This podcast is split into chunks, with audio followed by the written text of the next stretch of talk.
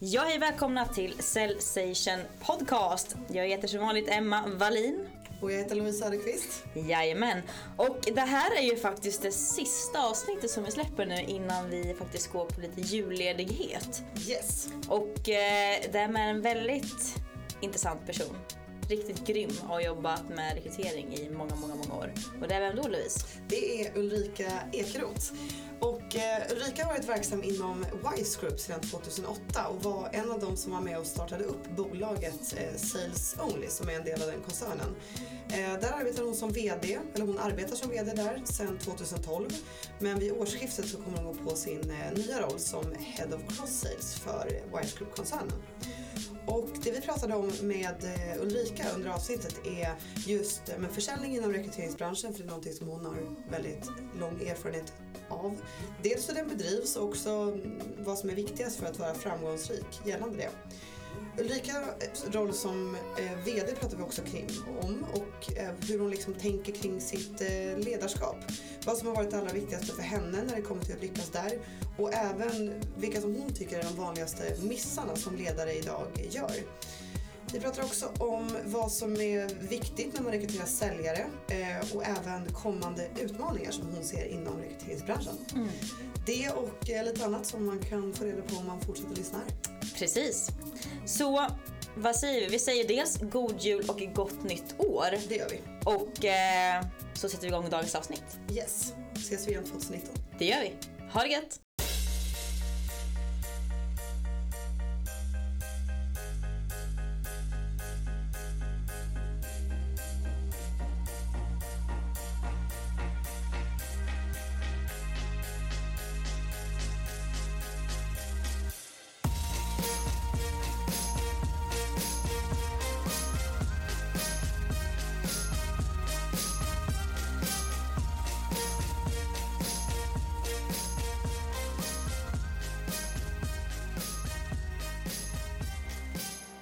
Hej Ulrika. Hej.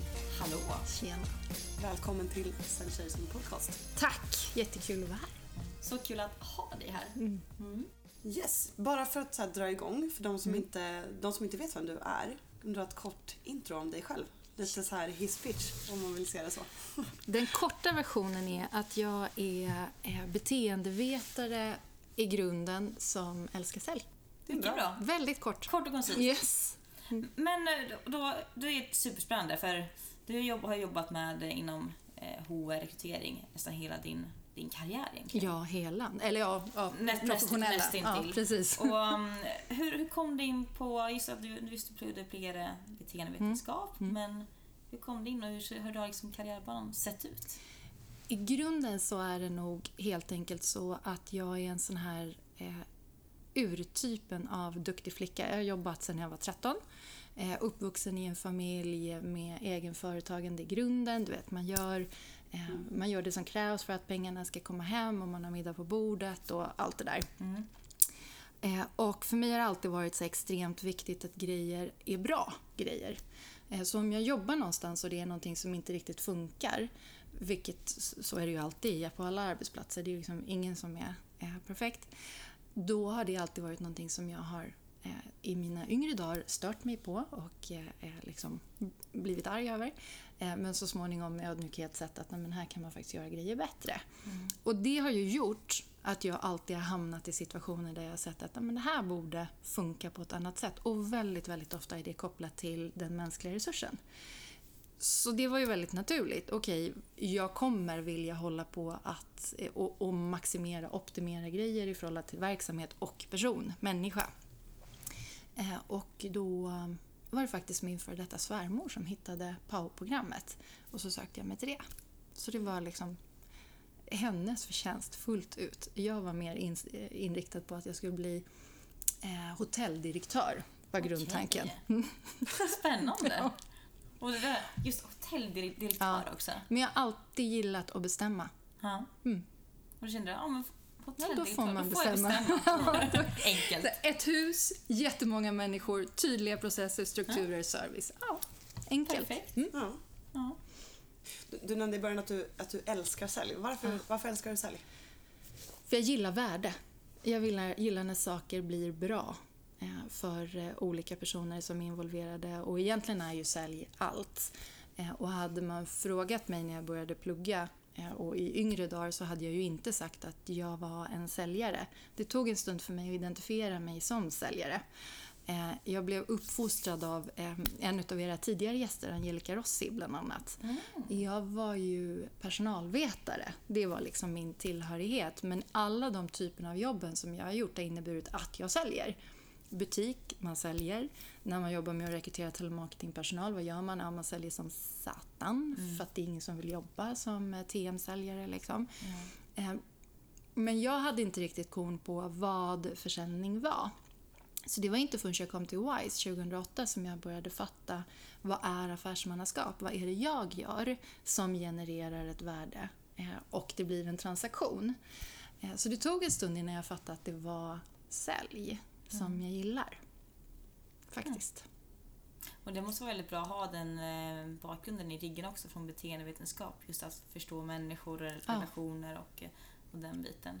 Det är intressant. eh, Hur, vad, hur vad hade du för uppväxt med dina föräldrar? Vad, pratar de mycket om just försäljning, hur det var? För att det kan ju vara en, en bild av att man kanske inte vill jobba med sälj Mm. för att mm, ens föräldrar kanske har sagt att ja, men, en sån där säljare, de ringer igen. Eller, mm. du, du förstår vad jag menar? Ja, absolut. Det där har jag hört så många gånger i Ja. alla intervjuer. Eh, Man blir nyfiken. Hur kommer det sig att du börjar jobba med sälj? Ja. Jo, men min pappa var säljare, var framgångsrik. Det är ofta en drivkraft. där, Pappa eller mamma. Ja. Eller någon annan i, i omgivningen som har varit framgångsrik. Men eh, i min familj, eh, vi kommer från ja, väldigt enkla förhållanden. Det är arbetarklass bakåt i, i, i tiden. Min mamma är första akademikern i, i våran, eller liksom bakåt i, i den sidan. Ehm, så hos oss så har liksom inte försäljning varit någonting som man har pratat om. Däremot när min pappa startade eget så var det ju väldigt tydligt att någonstans så finns det en kund och så är det en transaktion. Men vi pratade inte om affärer på det sättet.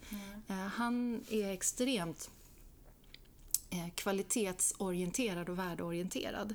Så han pratar alltid om kundbehov och vilket problem han löste för kunden utifrån ett värde och relevans. Så jag är ju tränad ur det perspektivet snarare än att göra en affär. Och tjäna pengar liksom. Exakt, för stålarna kommer ju sen. Yes. Alltid. Mm. Men där tycker jag, det, jag tycker det är intressant för att, för att många män, eller nej, alla kan ju liksom beskriva vad jag jobbar med, vad gör jag, vad gör jag på daglig basis. Men att just sätta en stämpel på det, att så här, men det där är ju försäljning. Är det så här, nej men jag utvecklar Ja. och Ja. business development Ja, och, och ja, hela ja, den där ja. grejen. Liksom. Affärsutveckling, Ja. projektledare. Nej men Ja. jag säljer inte. Nej, jag bara relationer. Nej, nej, nej. Det är ju inte som att jag lyfter lur. nej. exakt. Nej, precis som att det skulle liksom vara Som att hela... det var fult. Ja, exakt. Ja. verkligen. Mm. Men eh, Ulrika, du har jobbat alltså, jättemycket inom rekrytering inom den, inom den branschen. Vad är det som, vad är det som gjorde att du, men att du valde den branschen och att du har liksom stannat kvar där? Vad är det som du trivs så bra med? För sälj finns ju i alla branscher. Överallt. Ja. Mm. Eh, Det är faktiskt en jättesvår fråga att svara på för den är ju mångfacetterad, det beror på flera olika saker. Men jag tänker att eh, våran eh, bransch, om man nu ska prata om det som en bransch eh, och generalisera lite och kalla det för staffingindustrin för att ha liksom någon form av, av begrepp att prata om, eh, Eh, är ju en eh, både bökig bransch men också helt fantastisk i förhållande till att man matchar eh, behov och det skapas magi. Förhoppningsvis magi. Sen finns det avarter och det finns olika typer av verksamheter som är mer eller mindre roliga. Mycket kan ju också vara väldigt mycket fabrik och annan typ av struktur som gör att det kanske inte är lika inspirerande. Men det är också en, en bransch där det alltid är uppdragsbetonat. Där en kund har ett behov och man ska lösa en uppgift för att det ska bli ett bra resultat. Eh, och det där älskar jag. Det betyder att man får möjlighet att gå in i olika typer av situationer, branscher, verksamheter, olika nivåer. Lära sig någonting om någonting som jag inte kan någonting om och sen försöka skapa ett värde genom en, en matchning. Och det är ju helt magiskt. Snacka om kompetensutveckling varje dag, hela tiden. Inte bara kundinteraktionen utan också med kandidaterna. Så att vara konsult, oavsett om det är vad det nu än är för konsult, men om man har förmånen att få vara ute och träffa kunder, förstå kundbehoven och situationerna och sen matcha det med någon form av lösning. Nej men, det finns ju inget bättre. Nej. Du behöver inget universitet. Du behöver bara reflektera kring vad det är för information du får för att sen kunna stoppa ihop det i någon form av lärande. Och det är det jag älskar med den här branschen. Det Jag är så, magiskt. Aldrig slut. Det bara fortsätter. Ja. Och sen måste det vara spännande också med hela tiden nya gen- generationer.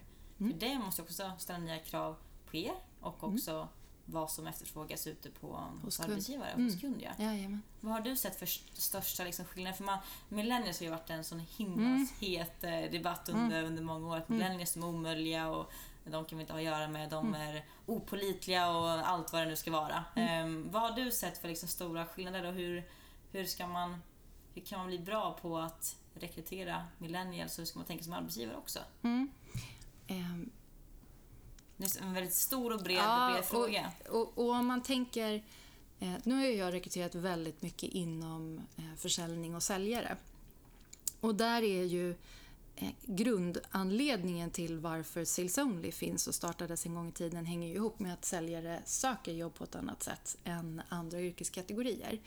Eh, så på det sätt som säljare alltid har betett sig beter sig nu vår nya generation. Okej. Det vill säga snabbrörligare, inte så intresserad av att följa ett givet mönster, söker saker på ett annat sätt. Så alla de här beteendena som vi som har jobbat med att rekrytera säljare liksom är vana vid kommer nu på alla Okej. yrkeskategorier. Så för oss som jobbar eh, med det vi gör på Sales Only så är det så här, ja fast det är väl inget nytt. Det är inte en generationsfråga. Utan det är ju någon form av beteende som är format, betingat av någonting. Eh, och det som är den stora skillnaden, skulle jag säga, med den nya, den nya generationen, eller vad vi nu eh, väljer att kalla det. För jag tror inte att det är en generationsfråga, utan det är en teknikfråga. Vi väljer, eller vi vänjer oss vid tekniken och det skapar nya typer av beteenden hos alla. Också mig. Jag är inte millennial, liksom. jag är 70-talist. Men jag är också sjukt otålig. Jag ställer superhöga krav på att sajter laddar upp snabbt och att det går snabbt och smidigt. Jag hittar informationen. Och det är ju det som är grejen för rekryteringsbranschen, eller arbetsgivare, att tänka på. Att det är lättillgängligt, att det är snyggt, att allting finns och att det går fort. Det, det duger liksom inte med en gammal hårdkodad sajt som inte är responsiv.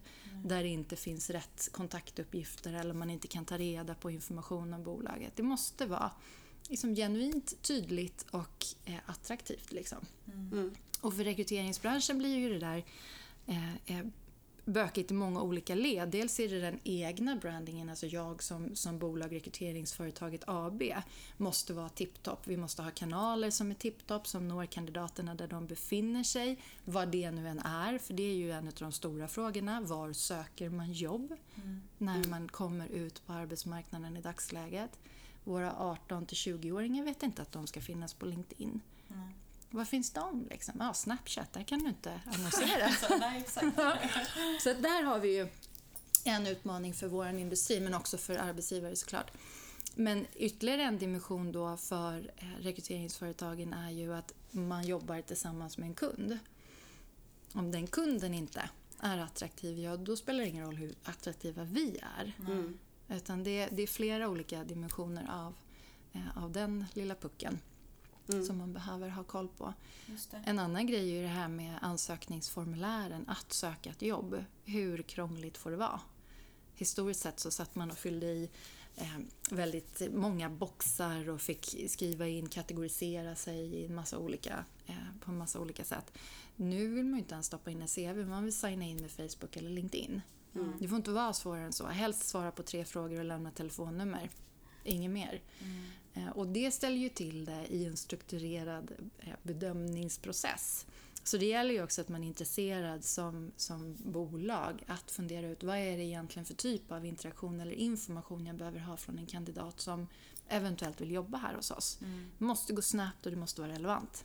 Och då har man supertydlig kanske då, inte ICP, men man kan, kan väl säga ideal eh, candidate profile egentligen. Ha en jättetydlig profil vad det är man söker och kanske ställa ändå lite högre krav för att också få rätt typ av sökande. För de som verkligen vill ha, de kommer ju söka oavsett om det krävs x antal olika steg kan jag tänka mig. Beroende på vad man har för varumärke. Ja. Mm. Mm.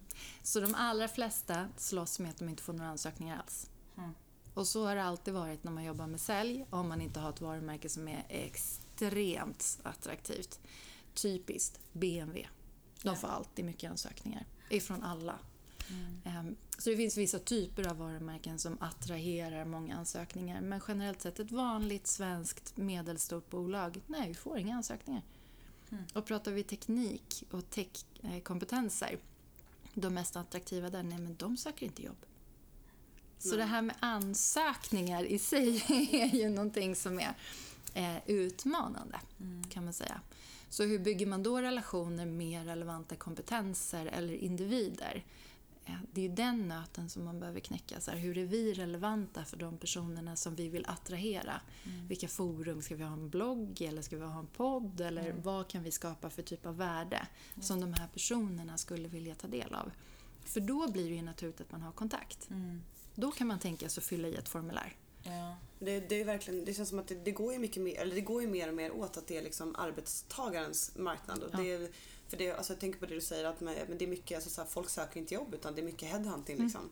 Och det tycker jag har märkt när vi, eh, när vi på våran, liksom, via vårt företag har stått på liksom, arbetsmarknadsmässor ute hos- på universitet och försöker jaga nyexade. Mm. När, man, alltså, när det tidigare kanske var så att de som sökte jobb liksom, går från företag till företag Mm. och verkligen så här, med CV i högsta hugg. Ja.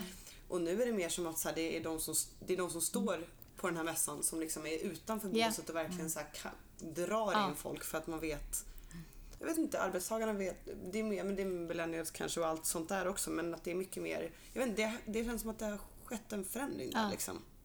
Och, och det tror jag hänger jättemycket ihop med att eh, jag som individ är mycket mer medveten om vad det är jag är intresserad av att ta del av. Och sen är det så sjukt mycket information så jag orkar inte titta på allt. Nej. Jag väljer ju vilka kanaler det är jag vill ta och få information ifrån. Och om det är ett varumärke som är no-name för mig, som inte jag har någon relation till, det är inte jag intresserad av. Nej. Jag, jag följer ju min tribe som vi brukar prata om.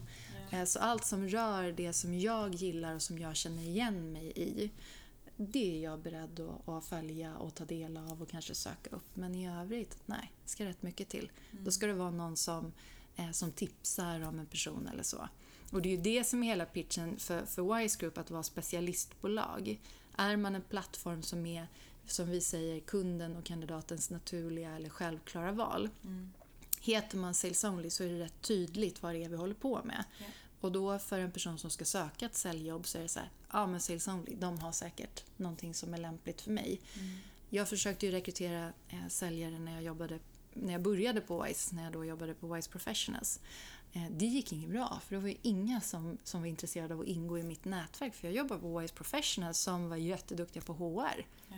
men inte sälj. Jag hade kanske en eller två uppdrag då och då. Det är inte det man vill ha. Man vill ha ett värde i en relation som kan innebära flera möjligheter än en. Mm. Mm. Just det. Mm. Vi pratade om det lite tidigare innan vi började podda, eh, just eh, kopplat till generationsfrågan. Det är ju en säljpodd. Mm. Och vad tror du är, när man tänker att den yngre generationen, eh, om vi ska koppla till beteende, Mm. när de börjar ta sig an beslutsfattande roller, Mm.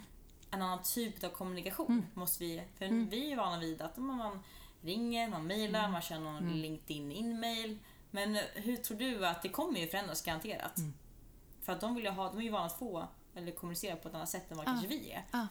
Hur tror du att det kommer se ut om, om några år? Jag tror det redan har slagit igenom. Mm. Eh, Som jag upplever det att göra affärer nu jämförelsevis med hur det har varit längre tillbaka. Nu är jag betydligt mycket äldre än vad, vad ni båda är.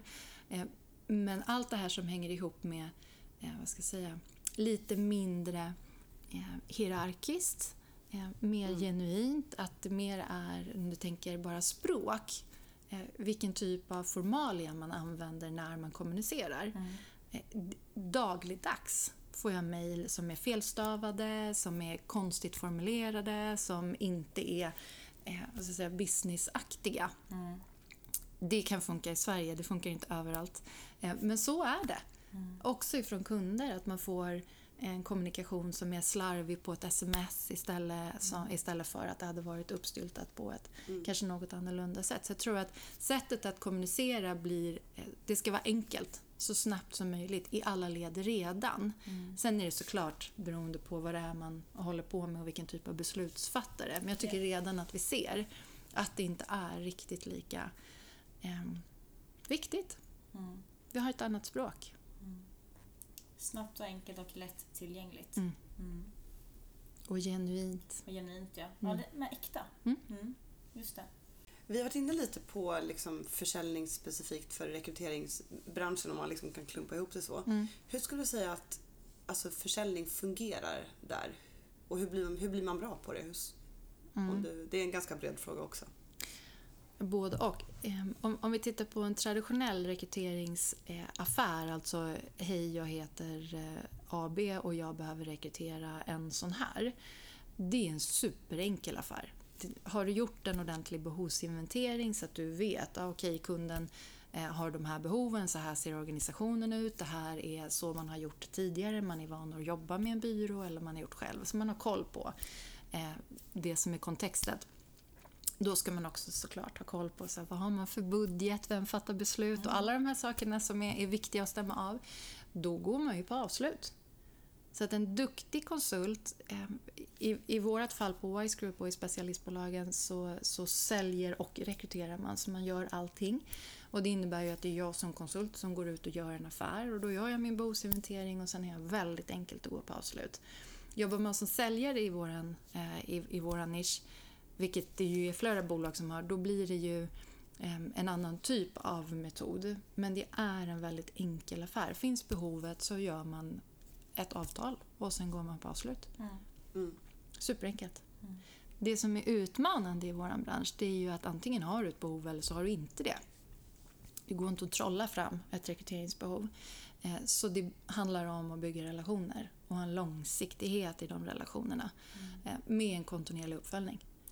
Och vår bransch har ju en, en sjukdom som är personalomsättning och slarv.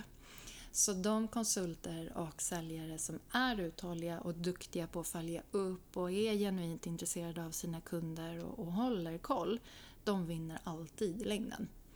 Så det är rätt enkelt att bli duktig i vår bransch skulle jag säga. Med Mm. struktur och hårt jobb och liksom kontinuerlig uppföljning. Jag tror det där kan vara eller alltså ett allmänt kanske problem det här med avslut. Att man liksom inte, alltså att man är rädd för att gå på avslut. Ja. Det blir som att det är så här, det är elefanten i rummet. Som Ja. att bara, nu är det tio minuter kvar här och nu måste vi stänga igen. Ja. Jag vet inte vad, men det, jag tror att... Att våga be om affär. Men, men det är ju överlag. Alltså, om, Ja. alltså våga be. Alltså, om du skulle få en utmaning att under en vecka gå förbi 7-Eleven och fråga om en gratis kaffe till exempel.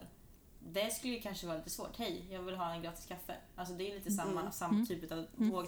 Be om någonting. Mm. Ja. Det, att det en, ligger någonstans i vår natur tror jag. Mm. Att det är lite svårare att be om det. Ja, och jag tror att det där hänger ihop med hur riskbenägen man är. Ja. Eh, Man är olika i hur mycket risk man är beredd att ta beroende på hur hög insatsen är såklart. Eh, Jag fick jobba jätte, jättemycket med det. Jag kommer fortfarande ihåg när jag liksom sköt över mitt första avtal och frågade är vi överens. Jag var så svettig så jag höll på att avlida och alldeles så här flammig på halsen som jag blir när jag blir eh, upprörd eller stressad. Men efter det så, så var det ju liksom klart. För det, jag menar, invändningarna har man ju oftast tagit. Mm. Och då är det ju bara en formsak. Ja. Så jag tänker att det handlar väldigt mycket om att bara sätta det i förhållande till vilken del av processen är det jag nu håller på med. Mm. Så om man jobbar med att också tänka delavslut, Mm. då blir det inte lika dramatiskt. Nej, och sen också om man har hittat en pain eller det finns ett behov, då är det ju ja, okej. Då är det ju givet. Ja, jag kommer lösa ditt problem. Hur svårt Exakt. kan det vara? Men har man liksom? där kanske en liten dold agenda, då är det kanske lite svårare Mm. Att våga be om affär. För Ja. man vet att det här kanske inte är en bra en Produkt bra eller produkt tjänst. bra lösning. Så. Mm. Så- Men då blir det inte genuint. Nej. Och jag tänker att i dagsläget också för många så blir ju affärer eller försäljningen i sig mer och mer komplex. Generellt sett så, så har vi fler beslutsfattare involverade i ett köp i dagsläget och så vidare. Och det gör ju att det kan vara svårare att komma till avslut. Mm. Och då kanske det också är så att man har svårt att navigera sig var i processen är jag någonstans? Vem, vem är du nu i förhållande till det här som vi ska göra? Mm. Så jag tänker att en utmaning kan vara att man verkligen strukturerat har koll på var är jag? Vem är jag i förhållande till den här situationen och vad är nästa steg? Så att alltid säkra det. Vad är nästa steg Mm. i den här relationen eller den här affären? Mm. Men det är ju inget kul att få nej. Mm. Nej. Men hellre det än inget svar alls. Hellre det. Mm. Mm. Mm. Jag tror också man kan, att man lätt kan glömma när det just kommer till avslut att man inte heller har gjort det tydligt att vi är i avslut. Det här är en förhandling. Alltså, Mm. att man, alltså, så att kunden vet inte ens om vad vi är, precis som du sa, vad vi är i process, Mm. processen. Att man inte heller tar tid för förhandling och Ja. avslut och verkligen så här, den här kalenderbyrån heter beslut. Ja. Det är det som liksom ska ske här. Ja, avtalssignering. Ja, exakt. Avtalsning. Tydligt och bra. ja, mycket bra. Ehm, Ulrika, du har ju tidigare varit på VD, eller VD, VD på Sales Only, eller du är fortfarande till årsskiftet. Ja, men du går vidare till ny roll, fortfarande kvar inom Wise eh. Wise-koncernen. Yes. Exakt, Ja. numera som affärsutvecklare och fokus på cross-selling. ja Ja. exakt. Men under tiden när du var VD, Mm. vad, vad har du lärt dig och eh, just kring ditt ledarskap? Ja, Ja. eh, man, man är alltid säljare och man är alltid ledare. Eh, sen är man mer eller mindre ansvarig. Eh, och när man är VD så är man 100% ansvarig. Eh, och jag minns min reflektion. Jag blev formellt VD för Sales Only eh, 2012. Jag var ju med och grundade Sales Only 2010, så, så ur mitt perspektiv så ägde jag redan allt. Det var jag som hade satt upp processer, det var jag som hade gjort mallar och så vidare tillsammans med de andra tre personerna som jag startade. Men eftersom jag var den som var hantverkskompetent in i bolaget så var ju mycket av det som var mina pains det vi sen gjorde. Så det var inget konstigt för mig. Jag ägde ju redan allting och tog 100% ansvar för det som skulle levereras och det som skulle göras. Så det som blev min största sån här, aha, var när jag insåg att men vad fan, jag, det, är inget, det är ingenting som är nytt. Enda skillnaden är att jag kan inte ringa till någon och säga äh, men fan, du får hjälpa mig med det här. Mm, det. Utan alla ringer mig och säger äh, vad fan, du får hjälpa mig med det här. Här är en sur kund eller och jag vet inte hur jag ska lösa det här. Och det är väl det som är så här, största skillnaden i att vara ledare eller att vara VD. Du har all makt att strukturera, delegera och göra de grejerna som du vill. Men det är också du som till syvende och sist sitter där med skägget i brevlådan om någonting går knas. Mm. Eh, så det är ju en, eh, en aspekt på eh, funktionen i sig som ju såklart präglar ledarskapet, tänker jag. Och jag är en person som är väldigt mycket det man ser. Jag är jag. jag har, det är viktigt för mig att det är på det sättet. Eh, Och det präglar ju såklart mitt ledarskap. Jag är en känslointensiv person. Jag gillar inte när saker är ytligt. Eh, jag gillar eh, att saker är bra och är på riktigt. Jag tycker det är viktigt med kvalitet. Jag har några såna här grejer som, som jag... Nej men så är det. Punkt. Ehm, jag är rätt kategorisk, men jag är också extremt kärleksfull. Så det, det går ju såklart igenom i mitt ledarskap. Så i vissa situationer så är jag extremt tydlig. Det är aldrig liksom några frågeställningar kring vad det är jag menar. Och i andra så är jag väldigt tillitsfull och tycker att nej, så där är inte så viktigt. Det får du, får du lösa själv. Du får komma om det är någonting. Jag litar på människor. Det tror jag är superviktigt. Men det innebär ju också att jag blir blåst emellanåt. Mm. Och det gör ju Men ont. det måste vara svårt att släppa på kontrollen kan jag tänka. Ja. Eh, Och inte riktigt veta. Och då också låta dem få ha kanske 100% ägarskap för den här frågan. Ja. Mm. Och där om man är otålig dessutom Mm. eh, så kan det ju vara svårt att låta bli. Och det där måste man öva på. Det har jag jobbat jättemycket med. Sen till syvende och sist så är det ju ändå så att om jag är VD och ytterst, liksom ytterst ansvarig för verksamheten då kan inte saker få hålla på hur länge som helst. Så ibland måste man gå in och bryta. Och det är en del av ledarskapet. Så man får inte vara rädd för att kliva in eller säga ifrån eller vara nära. Liksom. Att vara ledare innebär att leda och vara nära. Och om man inte är det, då får du ju inget förtroende och då kan du inte leda. Så man måste vara intresserad av människorna som finns runt omkring på en, i min värld, rimlig nivå. Jag har en fantastisk kollega som, som eh, eh, brukar prata om det här med vad är liksom modernt ledarskap. För i mitt perspektiv så är man personlig, men man är professionell. Och det hänger ihop med att jag som människa, jag som chef, ledare ska också hålla. Och om jag blottar mig i alla situationer, då håller inte jag. För det är alltid jag som ledare som får skit, eftersom det är jag som fattar besluten. Och om jag då är för transparent med mina medarbetare och kollegor, då... Det Det gör ont. ja. Mm. Eh, Så att vara chef och ledare innebär att man måste ha någon form av distans. Det betyder inte att man ska vara formell eller högtravande eller vi i ledningen eller något sånt. Utan att man själv är medveten om var är min integritet. Mm, exakt. Var någonstans, vilka grejer kan jag prata med vem som helst om och vilka får jag absolut inte prata med. Och om de sakerna som jag måste få prata med, för alla måste få kräkas och vara ledsna och allt det här. Men då måste man bestämma, vem får jag då prata med? Mm. Ja, min chef naturligtvis, eller kollegor som är i samma funktion som jag. Just det. Men det är ensamt att vara chef. Så det gäller att man har ett nätverk och relationer som man kan diskutera och bolla med. Man, du, nämnde modernt ledarskap. Mm. Man pratar ju också om det, nu, det digitala Ja. ledarskapet och även det coachande ledarskapet. Nej, Men det är ju tidigare, eh, back in the days. Mm. Men vad innebär egentligen det att vara en digital ledare? Det är för mig jätte... Jättekonstigt tycker jag. Ja, Nej, men det som, man, som vi ju kan se, det handlar ju om distansledarskapet. Eh, och i och med tekniken så får vi ju det är en fler... förlängning av det moderna egentligen. Ja, men så ser jag det i alla fall. Eh, Jag menar, vi lever i en mer och mer globaliserad värld. Det blir naturligt att vi rör oss på ett annat sätt än vad vi har gjort historiskt tack vare tekniken. Det är ju magiskt, det är ju ascoolt. Och då finns det ju andra digitala verktyg att använda i ledarskapet naturligtvis. Jag menar, historiskt, då fick vi resa. Men nu behöver man ju inte det. Man kan faktiskt koppla upp sig och köra på Skype eller Facetima i värsta fall. Liksom. Det funkar rätt bra. Sen tror jag att vi människor alltid är människor och, och man gillar närhet, de allra flesta av oss. Eh, I alla fall den typen av människor som finns i, eh, uppe i, i Wise Building. Eh, som ju är människomänniskor. Men jobbar man med programmerare så tror jag inte att det är riktigt kanske samma, samma grej. Där kanske det funkar bättre uteslutande med digitala hjälpmedel. I don't know. Nu generaliserar Ja, jag. men det kan vara så. Menar, Mm. fler och fler eh, bolag som expanderar och eh, man vill jobba internationellt som... Eh, och jag menar, både du och jag, båda våra ledare sitter i ett annat land. Så Mm. att vi har ju möten över ja, men Skype. Liksom, så att det, det blir väl det. Mer och mer åt det hållet såklart. Och man vill ju inte resa ihjäl världen. Nej. Så att det finns ju ett hållbarhetsperspektiv på det där. För det här har jag haft ont i magen över i och med att vi finns på fem marknader, sales only. Så har jag rest en del. Eh, därför att jag tycker att det är viktigt att träffas. Mm. Men det kommer ju med en, en klimatångest Ja, i någon form.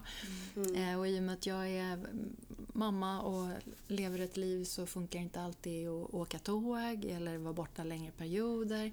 Så det är ju... tidsaspekt också. Ja. sätt.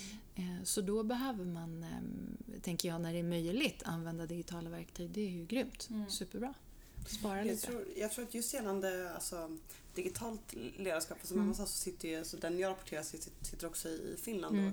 och, och han sa en så bra grej som var att men, eh, alltså, försök att liksom dra ner muren som finns bara för att vi inte sitter på samma kontor. Att, så Ja. här, när, alltså, du, alltså, om man har chefen bredvid så kan det vara så här, men du, har du en minut? Ja. Medan det känns som att, så här, "Åh, ska jag skicka en möteslänk eller ringa? Du vet, så här, Mm. men, så här, men tänk att allt nu tänker jag att så här, det här ska jag fråga om. Ja, ring. då, för det, Ja. det finns ingen mur. Liksom. Det var var bra. bra sagt. sagt. Ja.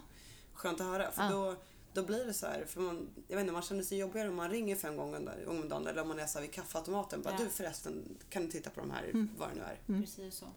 Så det var, det var bra. Bra sagt av min chef. Ja, men verkligen. Mm.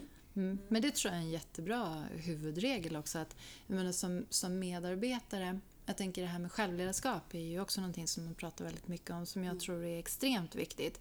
Och jag skulle säga att om vi tittar på alla människor som är framgångsrika individer så har de ett självledarskap som är naturligt och intuitivt. Det vill säga man tar ansvar för sin egen vardag och sig själv. Jag säkrar att jag har det jag behöver för att kunna leverera det jag vill leverera sådana individer tar sig ju det man behöver och då ringer man eller man skapar de relationerna eller förutsättningarna man behöver.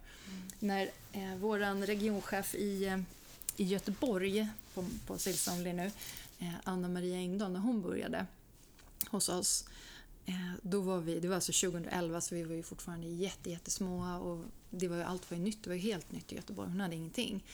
Eh, Och då hade hon en slinga som började ringa mig och sen ringde hon till Angelica Rossi och om inte Angelica då ringde hon en annan och sen ringde hon tillbaka till mig. Så då ringde hon runt så här tills hon fick tag på någon. För hon behövde ju komma vidare. Hon ville ju ut till kund och göra en affär eller behövde fatta beslut kring någonting. Så jag tänker att Ja, med systematik kring en plan. Ja, se till att få, få det du behöver för att ta dig vidare.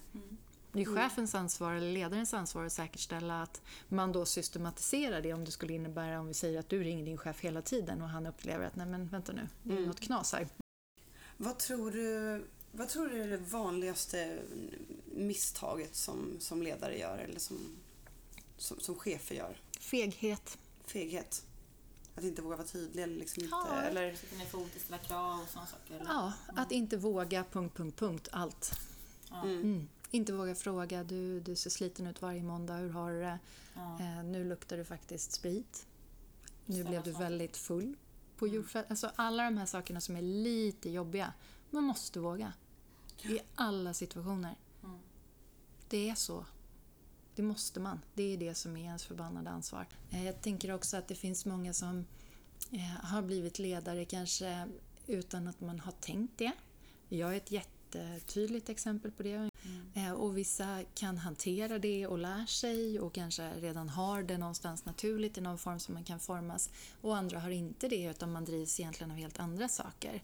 Men som ledare måste du vara intresserad av att förstå hur funkar grejerna i min verksamhet och hur hookar människorna i? Vad är det som glitchar? Ja. Om det är någonting här som hela tiden liksom inte lirar, då måste jag vara intresserad av att förstå varför. Vad är det som gör att det inte lirar? Och inte så här, "Eh, klaga, utan men, vad, vad, hur är det för dig? Liksom, hur kan vi göra på ett annat sätt så att det inte blir sådär? Ja. Vad kan jag göra? Vad kan du göra? Behöver vi någonting annat? Så jag tror att med ett intresse för att grejer eh, och utgångspunkten för att grejer faktiskt är hundra. Alltså alla är hundra. Eh, m- Men sen kan det ju visa sig ibland att alla inte är hundra överallt. Och då måste man våga snacka om det också. Mm. Så jag tänker att det, Ja.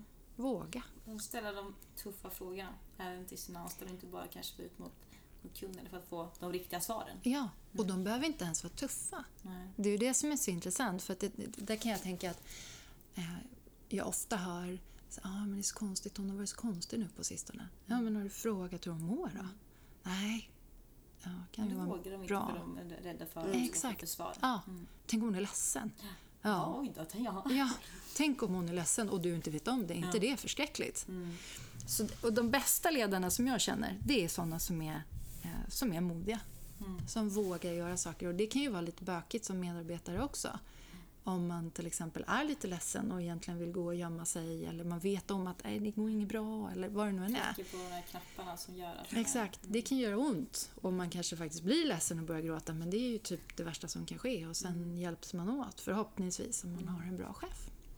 det där är som att man, man frågar ja, men hur är det, hur är läget, men man förväntar sig bara ett svar på det. Ja. Alltså, jag Ja, vet, inte, alltså, skulle någon vara nej men jag är deprimerad, alltså, så här, det skulle ingen alltså, så här, bara, Eller det- Oj, nej, nu, nu jag Ja, måste in i ett möte. Jaha, Ja. oj! Nej, exakt. Men sen också kan man ju tänka ut- utifrån mig själv om man faktiskt har en dålig dag eller man har haft en tuff vecka och någon ser på en att det är någonting. Mm. Då är det jobbigt om man är på jobbet kan man Ja. tycka. För att man vet att då trycker man på rätt knapp och så tycker man att det är jobbigt att om man då skulle bryta upp Ja. någonting sånt. Så det är ju jobbigt på två olika håll säkerligen. Ja, och det här är ju intressant med, med vår bransch, eller om vi tittar på... Eh, jag, jag pratar mycket sales only eftersom det är eh, i någon form min bebis liksom, som jag precis eh, släpper iväg. Eh, men en av de grejerna som jag är superstolt över, som vi har jobbat jättemycket med, det är att det ska vara tryggt. Det är inte alltid det naturligtvis, för att det är jobbigt när man är människa. Men i den världen som vi lever i, det går fort så in i bängen. Överallt. Det är mycket information, det är krav, det är höga förväntningar, det ska levereras, det ska vara hög kvalitet, vi ska göra affärer, det är korta processer, det är deadlines, alltid. Det är alltid jag som är ansvarig för nästa steg. Det är tufft liksom. Och om jag då måste vara på en arbetsplats där jag hela tiden måste gå omkring och tänka på hur jag beter mig, att det ska vara på ett visst sätt, då tar det onödigt mycket energi från det som är uppgiften. Ja. Så för mig har det alltid varit viktigt att det är okej. Det är okej att jag blir sur. Det är okej att jag bryter ihop för att någonting gick åt skogen. Det är okej att få liksom skratta högt, dra en skitdålig historia, säga ett fult ord. Jag har massor med såna där. Det, jag tror att det är så viktigt att det är okej att vara det jag är. Sen naturligtvis inom så här, vettiga... Ja. Men vi som människor, om man jobbar i, i ett högt tempo där det ställs högre krav på att jag ska leverera, då är det viktigt att man också har någonstans där man kan så här, andas ut. Ventilera lite. Ja, Mm. det tror jag är super, superviktigt. Mm. Och det tycker jag är en chefs eh, ansvar. Och skapa den kulturen då. Mm. Och om man ser att det är någon som, men vänta nu, det är något med Emma här. Mm. Nej men, ska vi ta en kaffe? Ja, Vi behöver ju inte snacka i kontorslandskapet liksom. Mm. Mycket bra. Vi har varit inne mycket på ledarskap nu, men om du fick eh, nämna tre nycklar, tre tips på hur man faktiskt lyckas i sitt ledarskap. Vad, vad är dina tre bästa, bästa tips?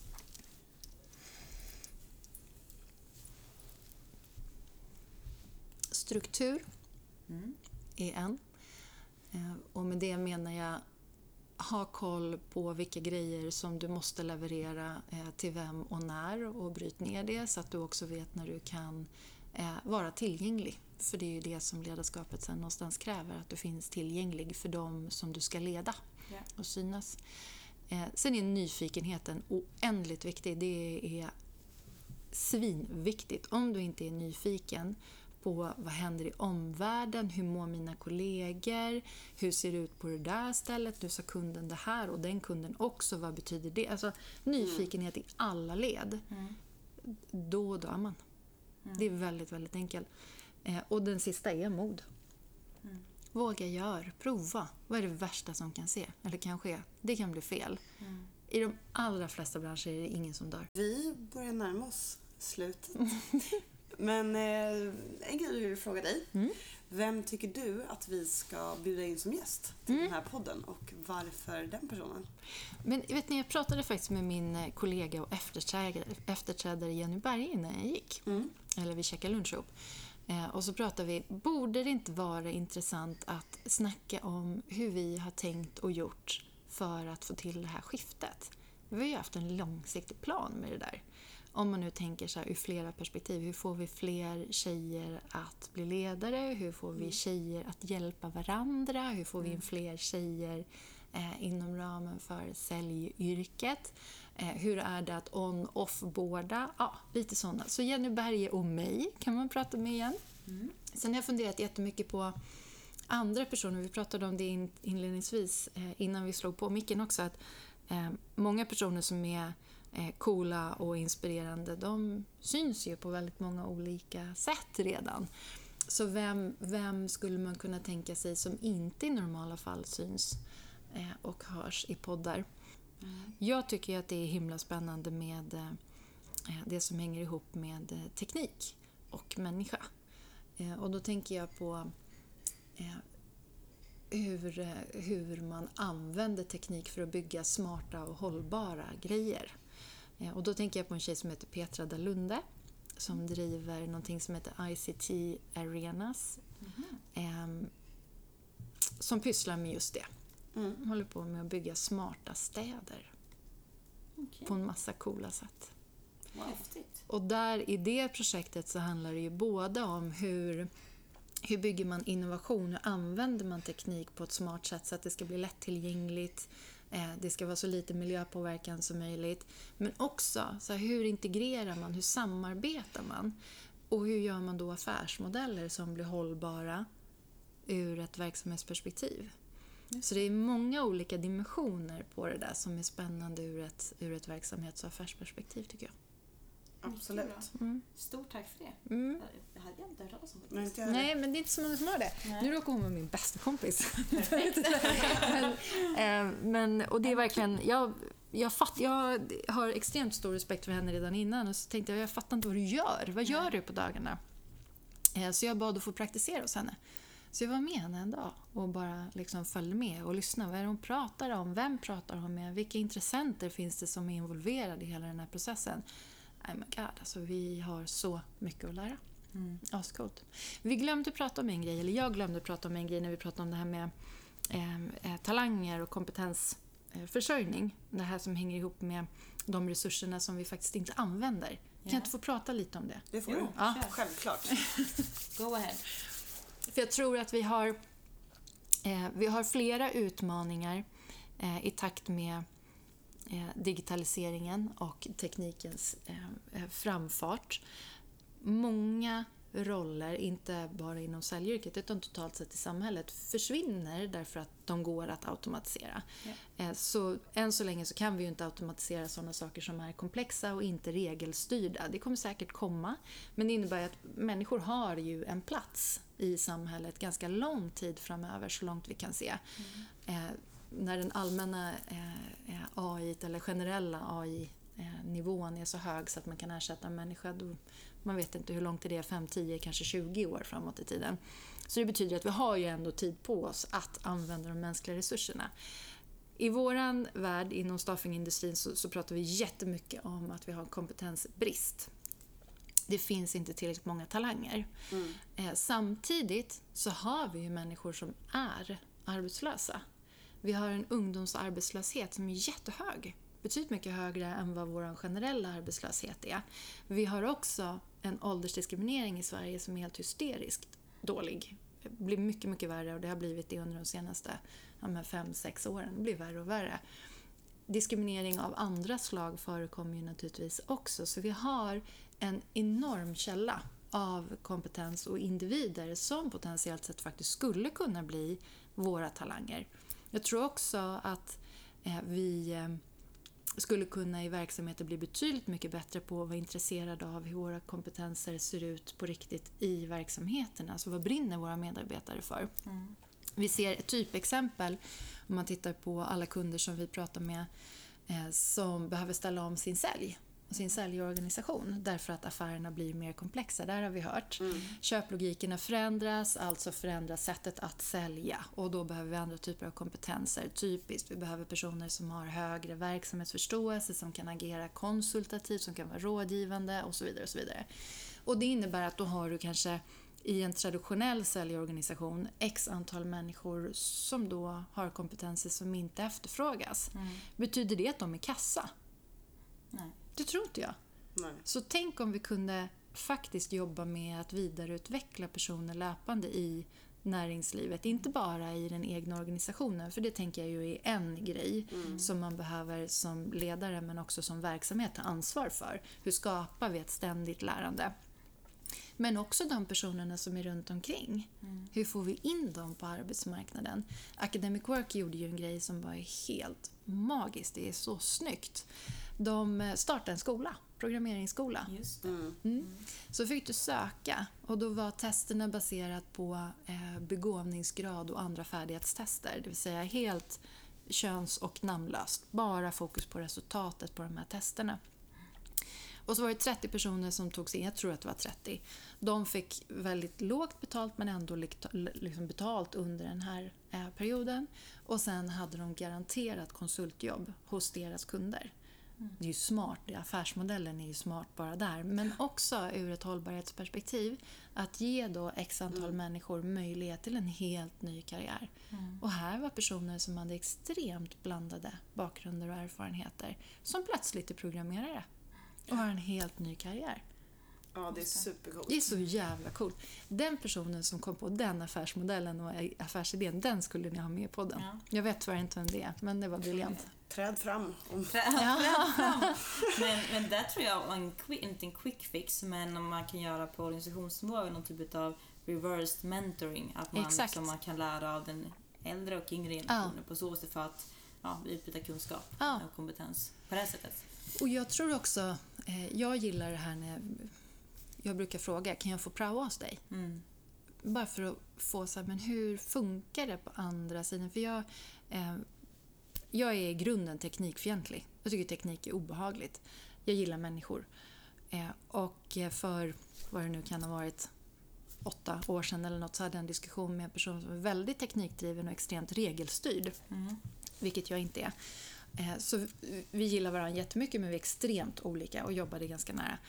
Eh, och då bestämde jag mig någonstans att men jag måste förstå vad det här är. Jag, jag är rädd för siffror, det är jag inte. Jag raljerar nu jättemycket, jag är inte alls det. Men för mig är inte matematik det enklaste språket, det är ett svårt språk. Eh, så därav blir ju tekniken svårtillgänglig för mig. Jag, jag kan inte riktigt sätta mig in i det utan då måste jag ju förstå ur något annat perspektiv. Så då bestämde jag mig för att jag ska lära mig mer om teknik, vad det är. Och då började jag lyssna på poddar och fråga människor som jag känner, som jag har förtroende för och så vidare.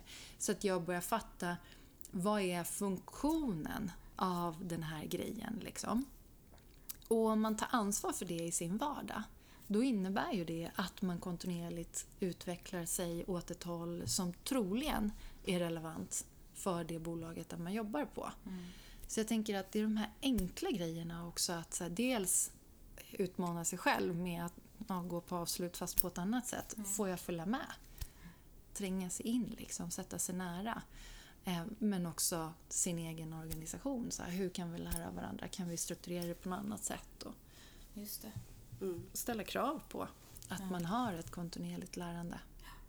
Jag tror det är så vanligt att, eh, eller ett, alltså verkligen ett vanligt problem att man inte vågar be om hjälp Mm. och lära av andra. För jag tror att många gånger kan man, och det kan jag komma på mig, mig själv med och känna Mm. också att så här, är det att man tänker att så här, det är dåligt att vara den som frågar mycket. Men det är ju egentligen tvärtom. Mm. Ja. Att så här, man tänker så här, åh då tror de att jag inte är självständig, att jag inte kan det här. Mm. Men, eller för, förstår Nej, du? nej, du jag förstår förstår. vad, alltså, så här, Mm. Man brottas med de tankarna men Ja. det är så här, fast så är det ju inte. Nej, sluta. Ja, jag ska göra det. Ja. det, här, det här är ju en sån här... Ingen av dem som jag har frågat, så här, jag ringer, jag har vissa personer som jag ringer extra mycket om vissa grejer för att jag vet att de är väldigt duktiga på det. Men de vill ju hjälpa till. Mm. Är man väldigt duktig på något, då är man ju ofta intresserad av att andra också ska bli bättre. Ja. Sen är det klart att det finns sådana som tjuvhåller på sin eh, kompetens, men frågar man så får man ju i väldigt mycket högre utsträckning än om man inte om gör det. Och folk är villiga att ge Ja. mer av sin tid än vad man Tror. tror. Yes. Ja. Och oftast till inte så högt pris. Bara man visar något, något typ av värde och vad man kan eventuellt ge, kan ge tillbaka Ja, på något sätt. Ja. mm. Mm, verkligen. Det, det, det är bra. Sharing competence måste bli bättre. Sharing Ja, is caring. Mm. Ja, mycket, Absolut. mycket bra. Mycket bra. Det Men- kanske får... Vill du tillägga någon sista, sista line? Du, känner att jag avbröt dig där precis mening. Men om jag ska rappa den där grejen upp Ja. då som hänger ihop med så här, hur, hur skapar vi ett eh, liksom modigt och mänskligt arbetsliv? Ja. Ja, men då, då behöver vi börja titta på vad är det för någonting som egentligen är avgörande. Mm. Eh, skills kan man träna folk till om det finns rätt typ av eh, motivator och beteende. Ja. Så var på allvar intresserade, alla, alla som vill bygga hållbara och roliga verksamheter framåt. Var intresserade av vad det är som är bärande för att folk faktiskt lyckas och förflyttar saker. Mm. Och ta vara på dem. Mm. Bygg inifrån. Tänk inte alltid att eh, talangerna finns där utanför. De finns faktiskt också ofta hemma. Mm. Det tror jag, bara som ett tillägg på det, på det du sa, att jag tror att det är, ja, men som, som ledare och, och chef så kan det nog vara standard att, att många chefer eh, ofta vill följa upp saker som inte gick bra. Men att man inte är så här, och här drog du in en jättestor affär. Ja. Att man är så här, vad gjorde du där? Ah, wow. Men det, det är det ingen som följer upp utan det är mer så här, okej det här gick inte hem, vad gick fel? Mm. Men att, och det ska man lära sig av också. Ja. Men det är också lika viktigt att få liksom, reflekterat av någon annan att så här, det du gjorde var det här, gör det igen. Ja. Ja. Nästa gång Ja. så händer det igen, typ. Och det där har jag fått jobba med, för jag är så jävla prestationsorienterad. Det här är en, en svaghet. Ehm, Att eh, för mig är det så här, jag är stolt men jag är aldrig nöjd. Mm. Och den är ju skitbra i ett byggarperspektiv därför att då, jag stannar inte. Nej. Eh, Men ur ett människoperspektiv så är det ju jättedåligt. Mm. För det innebär ju också att jag tycker att det är självklart att man levererar på en hög nivå. Så jag får ju verkligen så här, Släppa, hålla biten lite här. Just det. Mm. Mm. Mm. åh vad roligt, nu Ja. firar vi! Ja, ja. Mm. Fast för mig är inte det naturligt. För mig är det så här, ja, kanon, nu gjorde vi det där, vad gör vi nu? Ja. Ja. Så jag får Nästa jobba med steg. den. Ja. Det är många som tror jag sitter med det där. Alltså. Mm. Ja, och där kan man ju hjälpas åt Ja, liksom. verkligen. Jag gillar att hjälpas åt. Mm. Det är bra. Det är en fin egenskap. Mm. Mm. Det är det. Grymt. Ja. får det sätta punkt för dagens avsnitt. Ja, Mycket bra. Stort tack Ulrika för, för din tid och att du var med i Sensation Podcast. tack för att jag fick komma. Ja, såklart. Ska det bli en, en till, ett till avsnitt då? Ja, med se. Helene Berge. Mm. On-off-boarding. Exakt. Mycket bra. um, hörni, tack för att ni lyssnade där ute så kommer ett nytt avsnitt i nästa vecka. Det gör det. Ha det bra. Hej då!